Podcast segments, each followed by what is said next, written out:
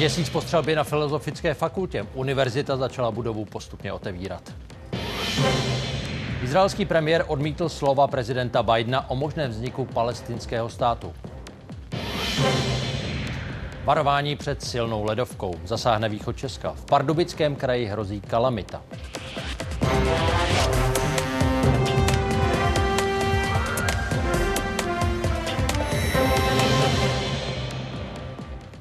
Hezký nedělní večer. Události právě začínají. Sledujete Českou televizi? Díky za to.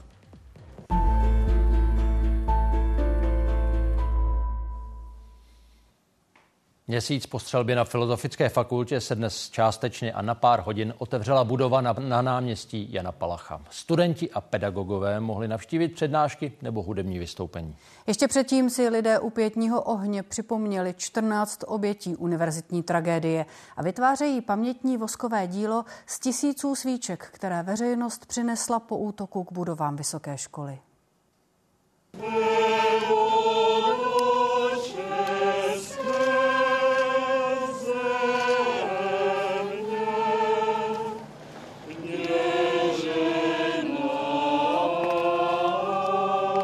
Pro mě je opravdu nejhezčí na dnešním dní, že se tady můžeme potkat, můžete, můžou tady být lidé v té fakultě, protože chodit sem celý ten měsíc bylo velmi těžké do toho domu ticha.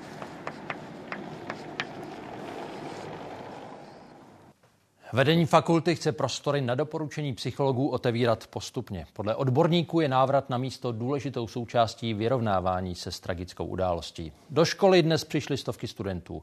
Mezi nimi i Tomáš Hercík. Den střelby pomohl spolužákům i policistům. Právě on jim ukázal cestu na ochos budovy. Po měsíci na fakultě. Zvláštní směs. Jako kdyby té minulosti toho, co se tu stalo, ale zároveň ne radosti, ale takového, takového pocitu vnitřní síly, že jsem se sem mohl vrátit a podívat se znovu na výročí toho jednoho měsíce od té události. 21. prosince byl Tomáš Hercík na semináři ve druhém patře. Když se dozvěděl, že o dvě patra výš pachatel střílí, neváhal. V tu chvíli jsem si řekl, že jak si musím něco udělat, jsem v podstatě docela rychle odstrčil židli a doslova jsem vyběhl z učebny směrem do čtvrtého patra. Rozhodl se varovat spolužáky a učitele. Řada z nich o střelbě v tu chvíli nevěděla. Otevřel jsem dveře a řekl jsem, že na, že ve čtvrtém patře se střílí, že je tam člověk se zbraní, křičí se tam a pak jsem tady zase o ty dveře zabouchl a pokračoval jsem dalším dveřím. Někteří lidé mu později děkovali za to, že jim zachránil život a pomohl i policistům, když v prostorách, kde nikdy předtím nebyli, hledali vstup do čtvrtého patra. Vstupy do čtvrtého patra plus dva výtahy na hlavní chodbě. Patro, ve kterém vrah útočil, zůstane zavřené nejméně do podzimu. Budovu chce vedení fakulty zpřístupňovat postupně. Včera mohli studenti a pedagogové přijít do přízemí. Je to nafázováno tak, abychom uh, ideálně 19. února, kdy začíná letní semestr na Filozofické fakultě, mohli otevřít přízemí až třetí patro standardnímu provozu, výuce, vědě a uh, setkávání. Právě setkáním na náměstí Jana Palacha lidé uctili 14 obětí, které přesně před měsícem pachatel v budově fakulty zavraždil. U pětního ohně mohli rozstavit svíčky, které po tragédii zaplnili prostor před fakultou i Karolinem. Z vosku má vzniknout dílo připomínající události 21. prosince podle návrhu studentů Vysoké školy umělecko-průmyslové. Do jeho tvorby se může zapojit i veřejnost. Chtěli jsme navrhovat spíše proces, který ty lidi stmelí. Znamená to vlastně nějaké navrácení života zpátky na to místo, Znamená to nějaké setkání a nějakou jako pospolitost. Dílo zůstane na místě do konce měsíce, pak z něj studenti vytvoří svíce. Zapalovány budou při dalších výročích. Johana Šulcová a Vítězslav Komenda, Česká televize. Už jsme slyšeli, letní semestr začne na fakultě podle původního harmonogramu 19. února. Zavřené zůstane jenom nejvíc poničené čtvrté patro. Náměstí Jana Palacha teď ještě jednou, je tam Kristýna Posekaná. Jak to bude se zkouškami, které předcházejí začátku letního semestru? Zkouškové období se koná podle standardního harmonogramu, zároveň je dobrovolné, to znamená, že studenti si mohou zkoušky rozložit a vykonat je později, splnit je ale nakonec musí. Fakulta podle děkanky uvažuje taky o posílení možností individuálních studijních plánů nebo o osvobození od poplatku e, za další studium těm, kterým by právě nárok na tento poplatek kvůli rozložení studijního plánu vznikl. Tento oheň, který tady na náměstí Jana Palacha vznikl jako symbolická vzpomínka na oběti střelby, tady bude hořet až do konce ledna. Je součástí iniciativy Měsíc pro fakultu, v rámci které se bude tady konat ještě několik dalších akcí. Kromě těch zmíněných v reportáži je to například drnkací večer neboli společné hraní na hudební nástroje tady u ohniště nebo taky společné hraní deskových her. Celý ten harmonogram je k, ke zhlédnutí na webových stránkách univerzity a měsíční inici, iniciativa skončí 30. ledna koncertem ve Dvořákově síni Rudolfína. Tragické okamžiky pohledem zasahujících policistů i lidí, kterých se měsíc staré události bezprostředně dotkly. Ukážeme taky kolem půl osmé. Teď ale další zprávy.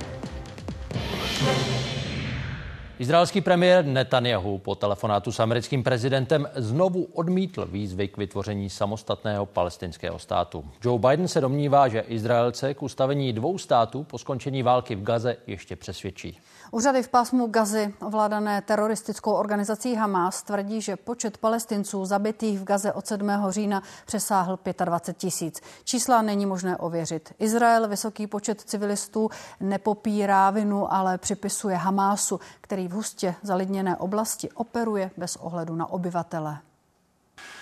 Jízda tanků a buldozerů pásmem Gazy pokračuje na jeho jihu v části uprchlického tábora Rafah a v Khan Yunisu, ale bojuje se dál i na severu v Jabalíji. Podle analýzy Wall Street Journal mají extremisté Hamásu i po třech a půl měsících stále dost sil. Podle informací izraelské armády se vedoucí představitelé Hamásu skrývají mezi civilním obyvatelstvem. Z dvou a čtvrt milionu obyvatel pásma válka vyhnala z domovů tři čtvrtiny. Hamás tvrdí, že počet zabitých palestinců od 7. října překročil 25 tisíc. Přes dvě třetiny z nich mají být ženy a děti. Kde je bezpečí? Kde je to bezpečí? Šla jsem pryč z Jabalí, cestou nás zasáhl nálet. Šla jsem do Chán Yunisu a tam byl další útok. Podle OSN je počet palestinských obětí i bez možnosti ověření pravdivosti bezprecedentní. People are dying not only from bombs and bullets, but from lack of food and clean water, hospitals without power and medicine, and grueling journeys to even smaller slivers of land to escape the fighting. This must stop. Šéf OSN dodal, že nepoleví ve snaze dosáhnout příměří a bezpodmínečného propuštění izraelských rukojmí. Těch Hamas v Gaze dál drží na 130 v takovýchto tunelech, kde po nich izraelští vojáci objevili stopy. Rukojmí už ale byli pryč. Několik tisíc Izraelců o sobotní noci v Tel Avivu protestovalo proti izraelské vládě a obvinovali premiéra Netanyahu, že staví zničení Hamásu nad životy jejich drahých. שהפקירה אותנו ב-7 באוקטובר ממשיכה להפקיר אותנו כל יום מאז. הממשלה הזאת צריכה ללכת הביתה. עכשיו! Benjamin Netanyahu tlaku nemíní ustupovat. Volal si poprvé po čtyřech týdnech s americkým prezidentem Bidenem. Podle mluvčího znovu odmítl ideu vzniku samostatného palestinského státu. Bezpečnostní potřeby Izraele to podle něj vylučují. Milada Megrátová, Česká televize. V Německu pokračovaly demonstrace proti pravicovému extremismu. Zúčastnili se jich statisíce lidí. V Kolíně nad Rýnem nebo v Brémách pořadatelé odhadli 50 tisícovou účast. V Mnichově museli akci dokonce odvolat. Přišlo až čtvrt milionu lidí a policie nebyla schopná zajistit jejich bezpečnost. Vlnu protestů vyvolala informace o tajné schůzce zástupců krajní pravice, na které naplánovali odsun milionů přistěhovalců z Německa. S větším zájmem o nájmy rostou jejich ceny. Za poslední rok podražily v bytech všech velikostí. Důvodem je mimo jiné i obtížná dostupnost vlastního bydlení. Ke konci loňského roku už ale začal růst nájmů zpomalovat. Nájemníka do tohoto dvoupokojového bytu na Pražském Žižkově našli majitelé hned.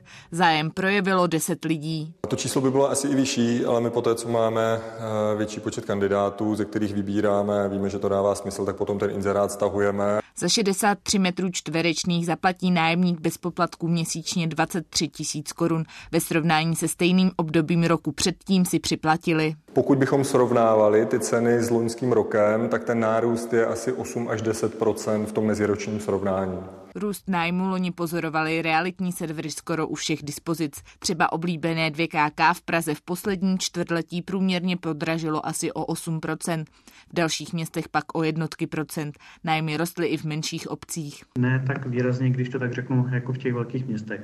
Bavíme se opravdu o exponovanějších městech, kde ten příliv, a příliv lidí nebo lidí hledající bydlení je větší ve srovnání s těmi, s těmi menšími městy, takže tam se bavíme třeba o fakt nižších jednotkách procent. Jedním z důvodů zvýšení nájmu je podle lidí z oboru zdražování nemovitostí, které ovlivňuje poptávku po nájemním bydlení. Dostupnost toho vlastního v posledních letech ovlivnily také vysoké úrokové sazby u hypoték. Hypotéky se zvedly ze 2% eh, za, za roční hypotéku na 6 nebo někdy až na 6%, tak lidé šli do nájmu, protože měsíční výdaj byl, byl, byl třeba nižší, ale myslím si, že lidé bydlí v nájmu i z jiných důvodů, spíš jako sociálních, sociologických, kdy to nabízí větší flexibilitu. Trend zdražování se ale na podzim zastavil. Průměrná cena za metr čtvereční nájemního bydlení klesla oproti třetímu čtvrtletí o 3 desetiny procenta na 292 korun. Ten zájem o nájemní bydlení je.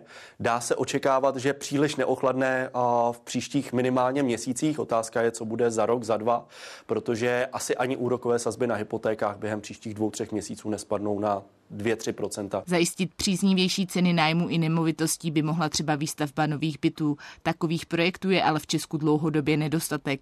Klára Burešová, Česká televize.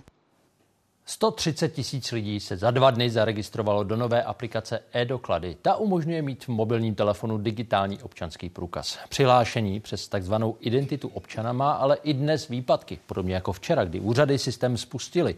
Problémem je podle digitální informační agentury zastaralý systém, který slouží k ověřování totožnosti na internetu. Meteorologové varují před ledovkou. V pondělí se bude při mrznoucím dešti tvořit hlavně ve východní polovině Česka.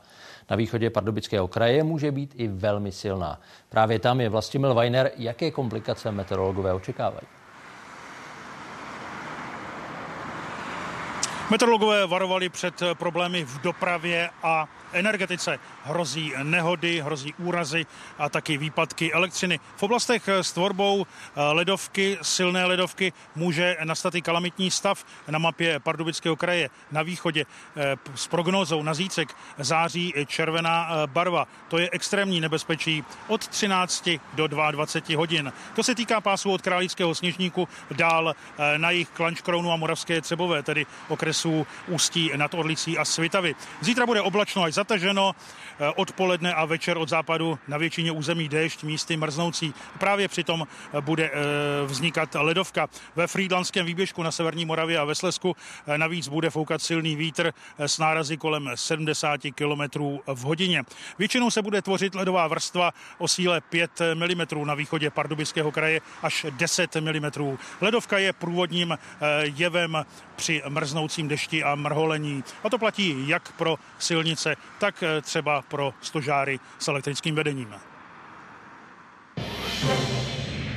Ukrajina se hlásí k dronovým útokům na plynový terminál poblíž ruského Sankt Petersburgu a továrnu na protiletadlové systémy Utuli. Obě místa zachvátil požár. Vzdušné útoky hlásí i z další ruské oblasti. Eh, Moskva oznámila postup na hranici Charkovské a Luhanské oblasti a převzetí kontroly nad vesničkou Krochmalne. Česko nebude vracet Ukrajince v odvodovém věku zpět do vlasti. Ministr zahraničí Jan Lipavský to řekl české televizi v souvislosti s chystaným mobilizačním zákonem na Ukrajině. Tamní armáda chce povolat do zbraně dalších až půl milionu lidí. Nejmenší dcera se jim narodila už v Česku. Dnes šestičlená rodina opustila Kramatorsk poblíž frontové linie hned na začátku války. Otec s výjezdem do ciziny problém neměl. My, кажемо, ми многодітна родина. Вони взяли посвідчення наші. Без нього я сама На той момент з трьома, на цей момент вже з чотирма дітьми я би не впоралася. Pro muže od 18 do 60 let Ukrajina hned po začátku ruské invaze uzavřela hranice. Výjimka platí právě pro otce tří a více dětí, anebo zdravotně postižené. S různými typy víz v Česku pobývá asi 200 tisíc ukrajinských mužů. Aby si je mohli obnovovat, potřebují platný ukrajinský pas. O nový mohou požádat třeba na pobočce migrační služby v Praze. Kijev ale jeho vydání může podmínit platnou vojenskou knížkou. Tím by odhalil ty, kteří se v zahraničí skrývají před mobilizací. Tak jak já nezmohl через війну виїхати туди, то я мушу змінити і закордонний, і український паспорт. А коли він закінчується? А він закінчується через рік. Правильно понимаю, что если вернетесь в Украину, то не сможете выехать обратно? Ну, конечно, меня з- заберут на войну, а мне оно не надо, так как у меня тут семья. Мы рождены, чтобы жить. Хотілося б по посадочкам побігати. Вже з епілепсією я, на жаль, навіть в штабі не можу знаходитися. Podle ministra Lipavského ale Česko nemůže ukrajinské občany domů kvůli mobilizaci vracet. Takové mechanismy neexistují a určitě by nebyly v souladu s mezinárodním právem a se závazky, které eh, Česko eh, v mezinárodním poli má. Якщо вони мобілізаційного віку, то вони Povinni dopomáhat v Ukrajině i oni povinni být v Ukrajině. Návrh mobilizačního zákona právě projednává ukrajinská vláda. Do parlamentu by ho měla poslat v únoru. Natália Kosiaková a redakce Česká televize. 2 miliardy a 867 milionů. Tak to je počet mincí a bankovek, které byly v Česku v oběhu ke konci minulého roku. Meziročně je to o 3% víc. Jejich souhrná hodnota ale klesla na 705,5 miliardy.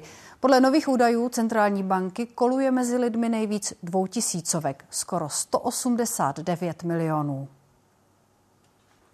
Herečka Tereza Brodská se po 22 letech vrací k divadlu. Stvárnila roli podváděné ženy ve hře Nadechnout se života britského dramatika Davida Herea. Její hereckou partnerkou je Jitka Smutná. V české premiéře představení uvádí Pražské divadlo Ungelt. Setkání, kterému je lepší se vyhnout. Podváděná manželka a milenka. Tedy sokyně v lásce k jednomu muži, který nakonec opustil obě. Takže já jsem jenom, jenom manželka. Ano, vy jste manželka. V tomto příběhu ale dojde ke konfrontaci. Žena, kterou muž podváděl mnoho let, se rozhodne tu druhou najít a zjistit, proč ve vztahu selhala. A jakou cenu jsem zaplatila? Že jsem ho neměla. Zpočátku jen těžko hledají porozumění, vztek, slzy a lítost za promarněnou minulost. Vzpomínky obě ženy hodně bolí. Nepoznala jsem nikoho jiného, než jsme se vzali. Postupně se ale zbližují víc, než se na začátku zdálo. Nemáte hlad. Mám. Naposledy hrála Tereza Brodská právě v divadle Ungelt s Alenou Vránovou a Valerii Zavackou ve hře Jak vraždili sestru Charlie. Vzpomínáte si na to ještě? No jasně, že si na to vzpomínám. To bylo moc hezký představení. Já jsem měla ráda eh, hrát s Alenou Vránovou. To je opravdu jako, to je potěcha. Hra měla světovou premiéru v roce 2002 ve West Endu v Londýně a obě ženy si zahrály herecké legendy. Judy Denchová a Maggie Smithová. Pokud by tahle hra měla nějaký jakoby, takový lehounce terapeutický význam, tak ten, že eh, v životě ženy eh, jakéhokoliv věku by neměl být jenom muž a děti. Příběh je především o odpuštění sobě samému, tak aby se člověk mohl znovu nadechnout života, jak napovídá název hry. Možně vám ta hra na konci aspoň se nadechnout života? jo, jo, jo, umožňuje, ano. Jiří Svoboda, Česká televize. Dvouletý Martin, trpící vzácnou nemocí, odletěl do Francie na operaci. Podstoupí genovou terapii, na kterou dárci ve sbírce přispěli přes 150 milionů korun. Příběh v reportáži za pár minut. Běžecké stopy na Šumavě kvůli oblevě místy mizí. Na sjezdovkách ale mají lyžaři díky zasněžování dobré podmínky. Podíváme se tam v příštích minutách. Ústavní soudci už dospěli k rozhodnutí o snížení loňské červnové valorizace penzí. Výsledek oznámí ve středu. Návrh na zrušení části zákona, který zkrátil mimořádný růst důchodů zhruba o tisícovku, podali poslanci hnutí ANO. Zástupci vlády argumentují rozpočtovou odpovědností. Na jedné straně zástupci vlády v čele s ministrem práce a sociálních věcí Marianem Jurečkou. Na druhé opozice s předsedkyní klubu Ano Alenou Šilerovou. U ústavního soudu se kvůli penzím střetli před minulou středu. Tu příští se k němu chystají znovu. Pořád věřím v to, že ústavní soud je ochránce ústavnosti, že se zastane 2,8 milionů nejzranitelnějších, to znamená důchodců, takže já tam jdu s velkou nadějí v srdci. Věřím, že eh, jsme argumentačně dokázali jasně říct ty opravdu zásadní důvody, proč vláda k tomu výjimečnému kroku přistoupila. Ty důvody opravdu byly vážné a byly velmi zásadní pro to, aby tady byla zajištěna dlouhodobá stabilita toho důchodového systému. Loni v červnu se důchody mimořádně zvedly o 755 korun. Původně se předpokládalo, že to bude o 1770 korun.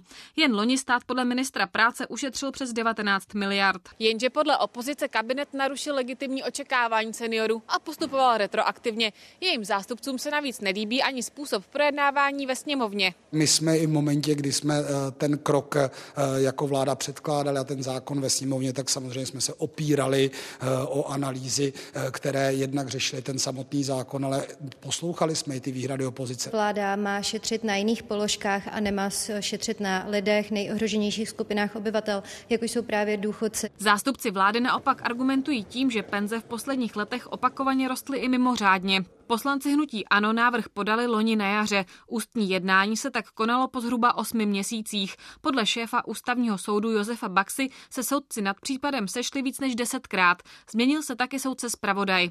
Vyhlášení rozhodnutí začne příští středu v jednu hodinu odpoledne. Pro veřejnost je vyčleněných 50 míst. Redakce a Kateřina Samková, Česká televize. Lokomotiva vykolejila ráno na trati do Děčína v Ústí nad Labem. Nehoda se obešla bez zranění. Provoz na důležitém koridoru byl ale zhruba na dvě hodiny přerušený. Vlak podle zprávy železnic vykolejil na výhybce při posouvání. Většina základních potravin v českých obchodech podle statistiků za poslední měsíc zlevnila. Nejvíc se za uplynulé týdny snížila cena másla a vajec skoro o 5% Méně stojí i mléko nebo chléb.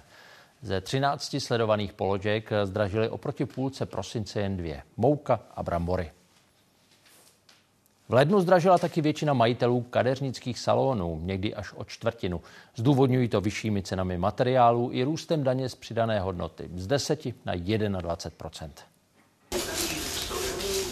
Kadeřnický salon i stálou klientelu má už přes 20 let. Zdražit musela. Své zákaznice předem upozornila. Přesto Petra Mudrová zatím neví, jak bude teď její salon prosperovat. Tady v tomto kadeřnictví v centru Plzně museli od ledna zdražit všechny služby o víc než 20% a počítají i s tím, že zřejmě zákaznice tak často chodit nebudou. Myslím si, že budou prodlužovat termíny, protože eh, ty ceny se navýšily minimálně o to DPH. Stříhání tady stálo ještě v prosinci 390 korun teď je to 520. Barvení podražilo o 300, ještě víc melíry, ty dokonce o 800. Právě tohle barvení volí Eva Bezděkovská. Do salonu chodí nejmíň šestkrát do roka. Až budu v penzi, tak podle asi výše penze to budu řešit třeba nějaký, nějakou domácí péči. Další plzeňské kadeřnictví, situace podobná. Jen majitelem salonu je muž. Tady zdražili o 15%. Jako pláci DPH podle Tomáše Kaláče jiné řešení neměli. Výdaje jsou obrovský jako ve všech ohledech, nejenom jako v sazbě jako DPH, ale za ty poslední tři roky, co tady vidíme, tak šlo nahoru úplně všechno. Je to horší s tím podnikáním, je to těžší, a bojím se, že spousta jako salonů, kteří jsou pláce jako DPH, tak prostě budou bohužel muset jako končit. Podle asociace zaměstnavatelů v kadeřnickém a beauty oboru jsou ti, kteří mají zaměstnance a platí DPH oproti kadeřníkům pracujícím jako OSVČ v nevýhodě. Vnímám to jako maximální nespravedlnost, protože samozřejmě my, co zaměstnáváme lidi, tak zaprvé i vychováváme nový kadeřníky. DPH musí povinně platit podnikatelé s ročním obratem nad 2 miliony korun a je jedno, jakou formou podnikají. Zde jsou to kadeřnické salony nebo osoby samostatně výdělečně činné. Podle ministerstva navíc mají pláci DPH i výhodu v tom, že si mohou odečítat daň z cen nakupovaného materiálu. Asociace chce dál o problému s ministerstvem jednat. Marcela Durasová, Česká televize. Návštěvníci hor opět zaplnili příjezdové cesty a parkoviště horských středisek. Problémy dnes byly ve Špindlerově mlíně a pomezních boudách v Krkonoších i na Šerlichu v Orlických horách. Dopravu tam řídili policisté. Po naplnění kapacity parkovišť se lyžaři snaží odstavit vozy podél silnic. Blokují ale průjezd autobusů, silničářů i záchranářů. Na jeho léčbu vybrali lidé v Česku v září 150 milionů korun. Dnes dvouletý Martin Zatloukal odletěl do Francie, kde mu lékaři podají přípravek upstáza. Chlapec trpí vzácným onemocněním, takzvaným syndromem AADC. Vyléčit se nedá, příznaky ale může odstranit nákladná genová terapie. Je to jeho první cesta letadlem a nejspíš i ta nejdůležitější.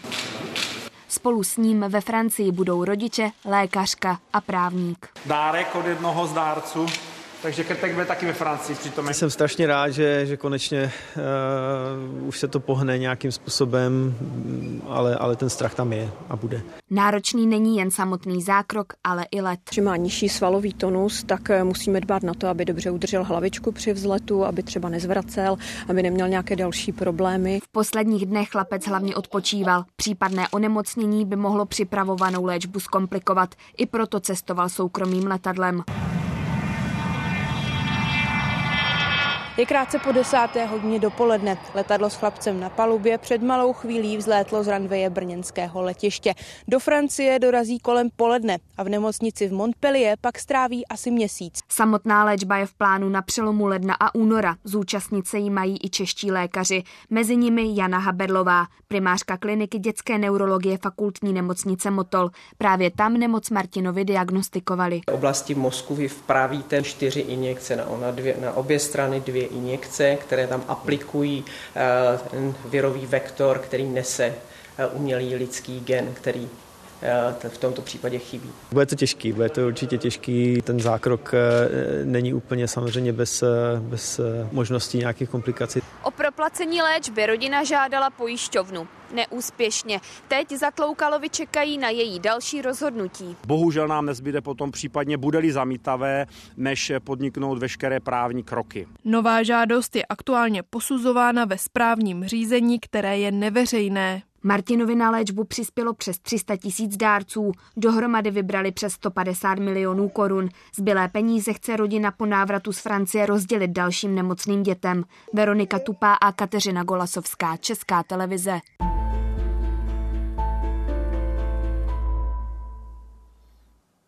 Ano, měsíc od tragédie na Pražské filozofické fakultě. Události, která otřásla životy tisíců lidí, obětí, jejich příbuzných, spolužáků, přátel. Pomoc psychologů už vyhledalo víc než 17 z nich. Do zásahu se zapojilo bezmála 500 žen a mužů v uniformě, desítky hasičů a záchranářů. Prezident Petr Pavel ve čtvrtek prohlásil, že se díky tomu podařilo zabránit mnohem větší tragédii. Jdeme, jdeme, jdeme, jdeme, jdeme! 21. prosince od třetí hodiny se policisté postupně sjížděli k fakultě. V budově střílel student, po kterém pátrali od půl druhé, s tím, že má sebevražedné úmysly a je držitelem zbraní.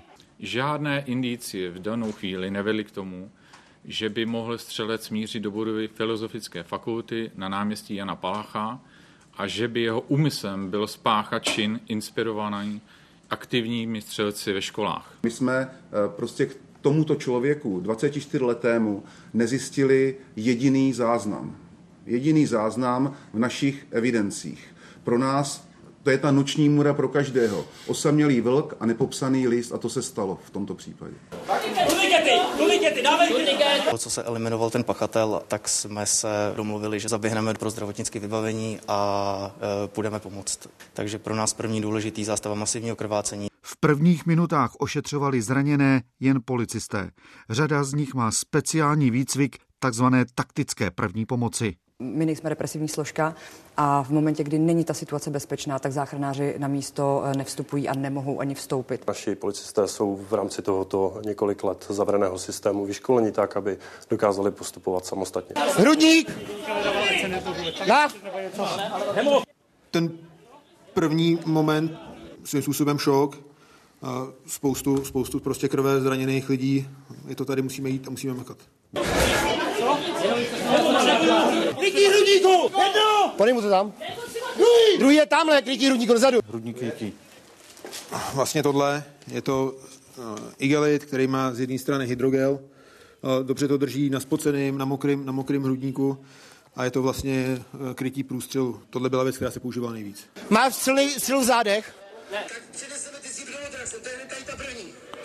Tam jste hned věděl, kde kdo je, koho je potřeba odníst? Já už jsem vlastně obešel všechny v té třídě a zkontrolovali zdravotní stav. Takže v době, kdy mi tam přišli už zdravotníci, kteří měli to mhm. vybavení na to, aby jim pomohli, tak já už jsem věděl, kdo kde je.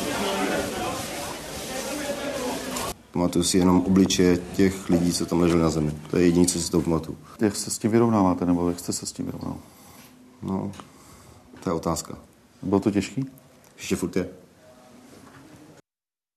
Podle záchranářů policisté, kteří na místě poskytli zraněným rychlou první pomoc, řadě z nich zachránili životy. Richard Samko, Česká televize. Už jsme říkali, že zásah z 21. prosince si vyžádal masivní nasazení všech složek integrovaného záchranného systému, personálu v pražských nemocnicích i psychologů.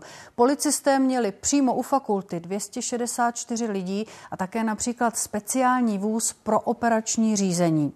S ošetřováním a převozem zraněných do nemocnic policistům pomáhalo asi 100 záchranářů. Na místě měli modul pro mimořádné události Golem a evakuační speciál Fénix.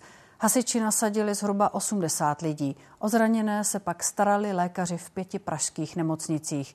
Neméně důležitá ale byla i psychologická pomoc. Otřesný zážitek může snadno zanechat následky nejenom na přímých obětech, ale i na profesionálech, kteří se zákroku účastnili. Už v den události jim pomáhalo 80 krizových expertů. Přidali se i další profesní a neziskové organizace a dohromady poskytli jenom do konce roku víc než 1700 psychologických intervencí, z toho asi tři stovky příslušníkům integrovaného záchranného systému. Podle vedení policie se řada studentů a pedagogů v osudný den zachovala velmi správně, když se zabarikádovali ve třídách, předávali aktuální informace velitelům zásahu a čekali na příchod policistů. Tím i oni pomohli zabránit dalším ztrátám na životech. Třeba právě jako Tomáš Hercík, kterého jsme vám v úvodu představili. Tomáš Hrcík šel ve čtvrtek 21. prosince na fakultu kvůli dvěma referátům. Před třetí hodinou, když byl na přednášce z dějin, dostal jeho kolega SMS zprávu, že se ve čtvrtém patře střílí.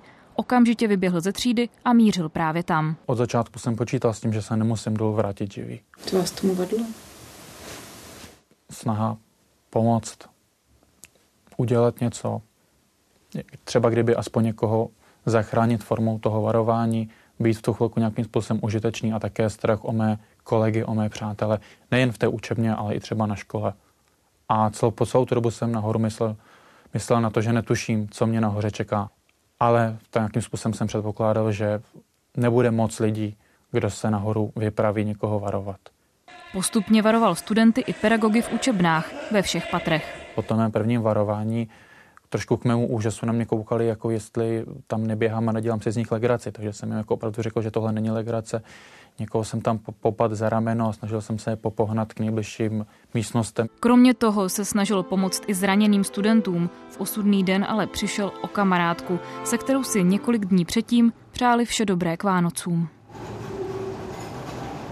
Smutek, stek zbytečnou ztrátou 14 nevinných lidí, kteří vlastně s tou danou situací neměli nic společného, jen to, že se ocitli ve špatný čas na špatném místě.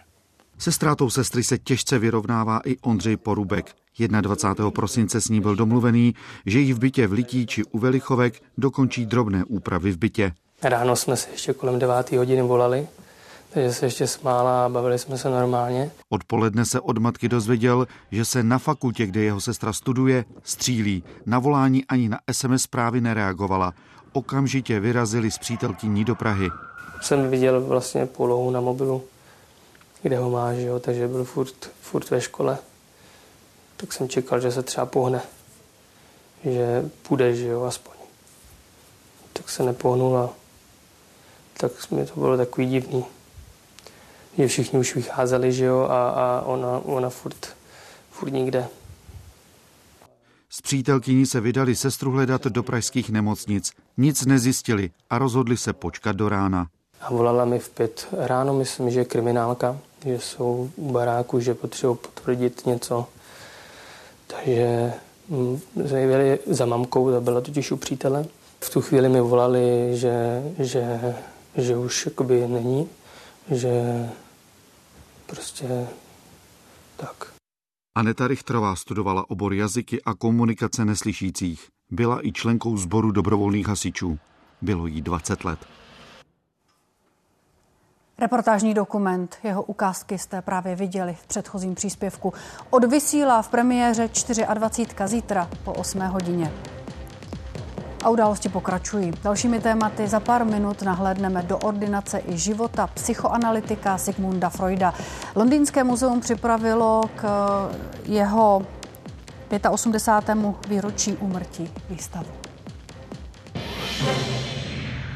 Do největšího cvičení NATO od dob studené války, které začne příští týden, se česká armáda zapojí během dubna. Bude spolupracovat s desítkami tisíc vojáků zemí Aliance a Švédska. Cvičení má prověřit připravenost na případný konflikt a demonstrovat závazek navzájem se chránit. I v principu té eh, studené války eh, fungovalo odstrašení jako jeden z hlavních vlastně nástrojů eh, k tomu, že k té skutečné válce nedošlo. A já si myslím, že tady to e, má tu podobnou ambici. Těžko se e, dá e, říkat, kolik vojáků se přesně zapojí, protože budou probíhat ještě kromě toho velkého cvičení tak různá doplňková cvičení v celé České republice, zejména v těch našich výcvikových prostorech. Přibývá náznaků, že na mimořádném unijním samitu 1. února by Maďarsko mohlo ustoupit a podpořit další pomoc Kijevu. Dlouhodobě ovlivní především letošní volby v Evropě a Spojených státech. Politici varují, že v případě nástupu Donalda Trumpa do Bílého domu může podpora Washingtonu oslabit. Prezidenta si američané zvolí až v listopadu. V Evropě už ale roste nervozita. I kvůli jasnému vítězství Donalda Trumpa na prvním volebním schromáždění v Ajově. USA by pod jeho vedením nemuseli být zárukou bezpečnosti a podporovat Ukrajinu v boji s Ruskem. Rok 2024 bude pro Evropany klíčový. Musíme znovu ukázat, že si uvědomujeme důležitost našeho úsilí bez ohledu na to, co se stane ve Spojených státech. Panují obavy, že bez Washingtonu nebude Evropa dost silná. Na mimořádném samitu 1. února chce proto německý kancléř udělat inventuru všech závazků. Dodávky zbraní pro Ukrajinu plánované většinou členských států Evropské unie jsou zatím příliš malé. Hlavním tématem ale bude 1. února tady v Bruselu něco jiného. 26 zemí chce přesvědčit Viktora Orbána, aby stáhl své veto a schválil finanční injekci Kijevu.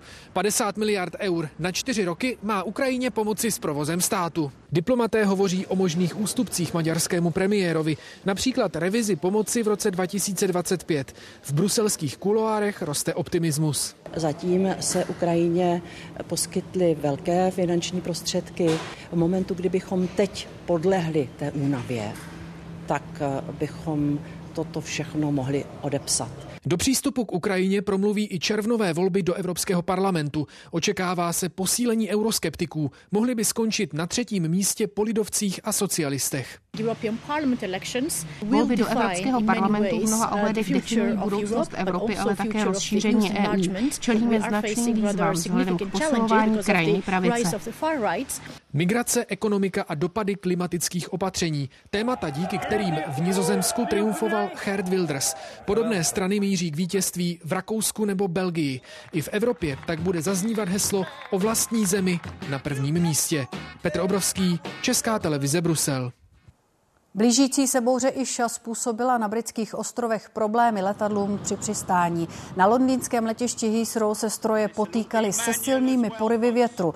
A problémy mělo také letadlo na ranní lince do Prahy. To ale kvůli kouři v kokpitu. A muselo se vrátit asi půl hodiny po startu zpátky na výchozí letiště. Technickou závadu společnost British Airways nespecifikovala. Nikomu se nic nestalo. Slunečné počasí vylákalo na hory o víkendu tisíce lidí. Na Šumavě se podmínky pro lyžaře na sjezdovkách zlepšily jenom díky mrazům a technickému zasněžování. Do stop vyrazily taky stovky běžkařů. I když přírodního sněhu je po oblevě i v okolí Kvildy málo, přibližně 10 centimetrů. Tratě poblíž Kvildy dneska v poledne. Desítky běžkařů kloužou do kopce po oblíbené části šumavské magistrály. Stopa na loukách vypadá dobře, mezi stromy je to horší. Je přemrzlé, jeho málo. Je to nevýdaný takhle v lednu málo sněhu mít eh, na Šumavě. Tak je to umydlený, chtěl by to, aby připadlo, ale je to příjemný. Teplota kolem nuly a nad hlavou modrá obloha. Jiří Mach vyrazil za sněhem na Šumavě do 1100 metrů nad mořem. V lese je to o tom, že byste zničil lyže a já jsem ze Zadova, tak jsem musel přijet sem na Kvildu, protože na Zadově takové podmínky ani nemáme. A v některých lesních úsecích, jako právě tady poblíž Kvildy, je tak málo sněhu, že stopa zmizela úplně. Po oblevě jsou někde vidět kameny, tráva a ledové plotny. Tato rodina místo obchází. Většina běžkařů se drží bezpečnější a lepší cesty. Vyrazili jsme s dcerou a manžel ten už je asi s druhou dcerou na horský kvildě. Některé trasy se nedají upravovat. Výběr běžeckých tratí se na Šumavě zmenšil. Podmínky jsou lepší blíž k německým hranicím. A tohle je Zadov. Na sjezdovkách tady leží 80 cm vrstva sněhu, jen díky umělému zasněžování. Já jsem tady poprvé, ale podmínky mi přijdou super. Trošku mráz, ale jezdí to krásně. Sníh je skvělý, počasí krásný, sluníčko svítí. Nádhera. Co víc si přát? Za sobotu a neděli se v areálu vystřídalo 3800 lyžařů. U lanovky museli chvíli čekat. Nejsilnější víkend určitě této zimy a oproti minulému týdnu, kdy neděle byla poloviční, tak je vidět, že lidi už využívají ubytování třeba i na celý víkend. A roste i zájem o lyžařskou školu. Malá Liliana dneska stála poprvé na lyžích. Je to skvělý. Baví mě to víc než na snowboardu, protože tak jezdím i na snowboardu. Na rychlé změny počasí si po 25 letech na Zadově zvyká i Luděk Sáska. Míň srážek a vyšší teploty. V podstatě ty mrazové periody se nám zkracují a ubývá přírodního sněhu. Uprostřed týdne se má znovu oteplit. Jestli sníh vydrží, zatím netuší. Martin Štěpánek, Česká televize. Z Karlových varů bude v létě létat sedm nových čártrových spojů. V sezóně o tamtud budou letadla startovat třeba do Turecka, Tuniska, na některé řecké ostrovy nebo do Bulharska. Počítá se také s pravidelnou linkou do Izraele. Celkem tu v sezóně každý týden chtějí odbavit 11 letů, včetně pravidelné linky do Tel Avivu. Vedení letiště tak musí investovat například do rozšíření parkoviště tak, aby tu lidé mohli stát po celou dobu jejich zahraničních cest. Řádově o jednotky lidí se musí posílit také například pozemní personál nebo letištní hasiči. Za dlouhodobé znásilňování nevlastní dcery jen podmínka. Asi týden po po tom verdiktu jsem se pokusila o sebevraždu. Jak k tak nízkému trestu krajský soud v Brně dospěl? Není potřeba se vyjadřovat médiím. Oběť přitom soud vůbec nevyslechl. Určitě bych jim vzkázala, aby si zkusili jeden jediný den v kůži té obětě. 168 hodin dnes ve 21.15 na jedničce. Neobvyklý zásah hasičů v nákupním centru v pražských Vršovicích. Pomáhali malé dívce, která vlezla do automatu na míče a uvízla v něm. Podle záchranářů sama přišla na to, jak se dostat dovnitř. Otvorem, kudy předměty vypadávají výhercům. Hasiči stroj rozebrali a dívku osvobodili. Univerzita Karlova dál nemá své zakládající listiny ani 20 milionů korun, které za ně zaplatila. Od vynesení pravomocného verdiktu v případu podvodu kolem zácných historických dokumentů uplynul rok. Čeká se na další rozhodnutí soudů. Nález tisíciletí. Tak před šesti lety oznamovala Univerzita Karlova, že získala pergamen z roku 1347. Papež jim schválil vznik vysokého učení. Historici o listině do té doby netušili. Majitel si nepřál, nepřál vědět, kdo to prodává a kupní smlouva byla mezi GNT bankou a Univerzitou Karlovou. Zveřejněna nebyla ani cena, ani to, co se s listinami v minulosti dělo. Policie ale zjistila, že byly ukradeny z archivu před víc než 100 lety. Při prohledávání pozůstalosti na ně narazil starožitník Josef Salmon a přes prostředníka je prodal univerzitě za 20 milionů. Podle soudu ale věděl od znalce, že byly ukradené a měli odevzdat státnímu archivu. Jedinou chybu, co jsem udělal, že jsem to neprodal v Londýně, on mohl víc někomu jinému. Takže něco, co očividně mělo patřit státu, jste... jste Jak patřit státu? My tady žijeme v 50 letech.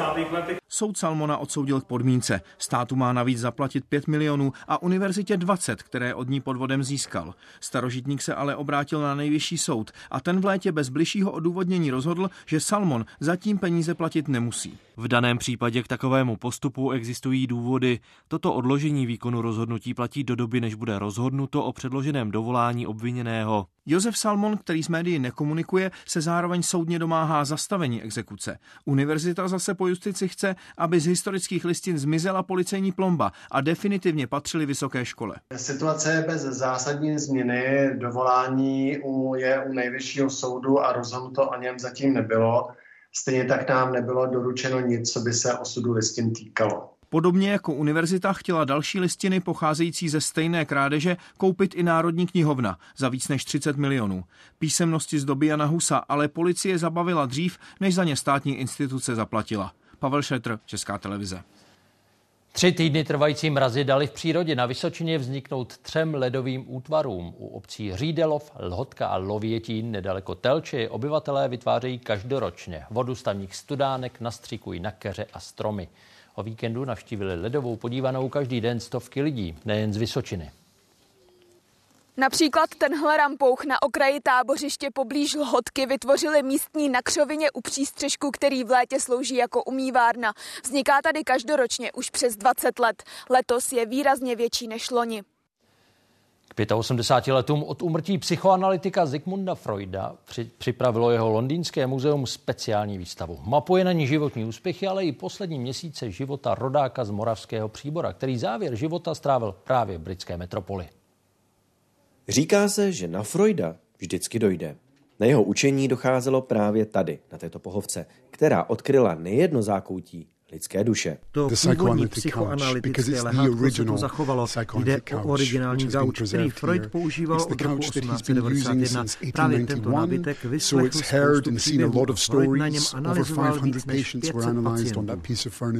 Lenoška, která se stala symbolem slavného lékaře a vědce. Rodákovi z moravského příbora stála za to, aby ji do Londýna přestěhoval z Vídně, když prchal před nacisty. Spolu s knihovnou, vybavením i sbírkou různých předmětů které dnes vyplňují každé zákoutí jeho britského domu. Právě tady také zemřel ve svém londýnském útočišti. Letos je to přesně 85 let. Od té doby se jeho sláva doslova rozletěla do celého světa. Překvapivě třeba do Jižní Ameriky, kde je Freud neuvěřitelně populární, jak připomíná aktuální výstava v Londýně k výročí jeho úmrtí. Centrem celosvětové psychoanalýzy je Latinská Amerika. Největší počet psychoanalytiků na obyvatele je v Buenos Aires. A která také ukazuje poslední měsíce vědce, který se nakonec stal postavou populární kultury. Dokončil tady svoje poslední zásadní studie, setkal se se Salvadorem Dalím, seznámil se také s Virginie Woolfovou. Až do samotného konce byl hodně Londýn se tedy nakonec stal místem, kde Freud svoji životní cestu ukončil a který se stal nikoli na slavné pohovce i místem jeho posledního spočinutí. Z Londýna Lukáš Dolonský, Česká televize. Český filmový a televizní svaz udělil ceny Trilobit. Mezi vítěznými filmy je i Hranice Agněši Holandové nebo snímek Přišla v noci. U něho Šporota pozitivně hodnotila výkon herečky v hlavní roli Simony Pekové. Ocenění získalo pět filmů. Dobrý večer, já jsem Valerie Jiřičková matka. Kyš. Kyš. Kyš. Ten dekel půjde tě vrátit. A všetci to jasně bez večere. Tak je tma. Víš, je tma? Basy. Já se obávám, mama, že to, co dělám já, ty nemůžeš pochopit. Help, help! Toto je příběh mého tatínka Bohumila Mudrého. Ve své době nejlepšího hokejového brankáře na světě, oběti komunistického režimu. Zítra budeme sledovat třeba zasedání ministrů zahraničí zemí Evropské unie. Se zástupci Ukrajiny, Izraele a arabských zemí budou řešit jak ruskou agresi, tak dění v Gaze. A připomínám varování meteorologů. Ve východní polovině republiky hrozí ledovka. V Pardubickém kraji velmi silná. Čekají se komplikace v dopravě i energetice. Události končí. Děkujeme za pozornost. Přejeme krásný nedělní večer i celý příští týden a ještě přidáváme pozvánku ke sportu. Eh, Ester Ledecká vyhrála po návratu do snowboardového světového poháru i druhý závod. Podrobnosti nejen o tom Barbara Černošková. Dobrý večer. Ester Ledecká se do tohoto víkendu představila v sezóně jen na lyžích. Bulharské Pamporovo si naprosto podmanila. Po včerejšku vyhrála v paralelním slalomu i dnes, když ve finálové jízdě o pouhou setinu sekundy porazila Rakušanku Šefmanovou. Víc řekneme v brankách už za okamžik.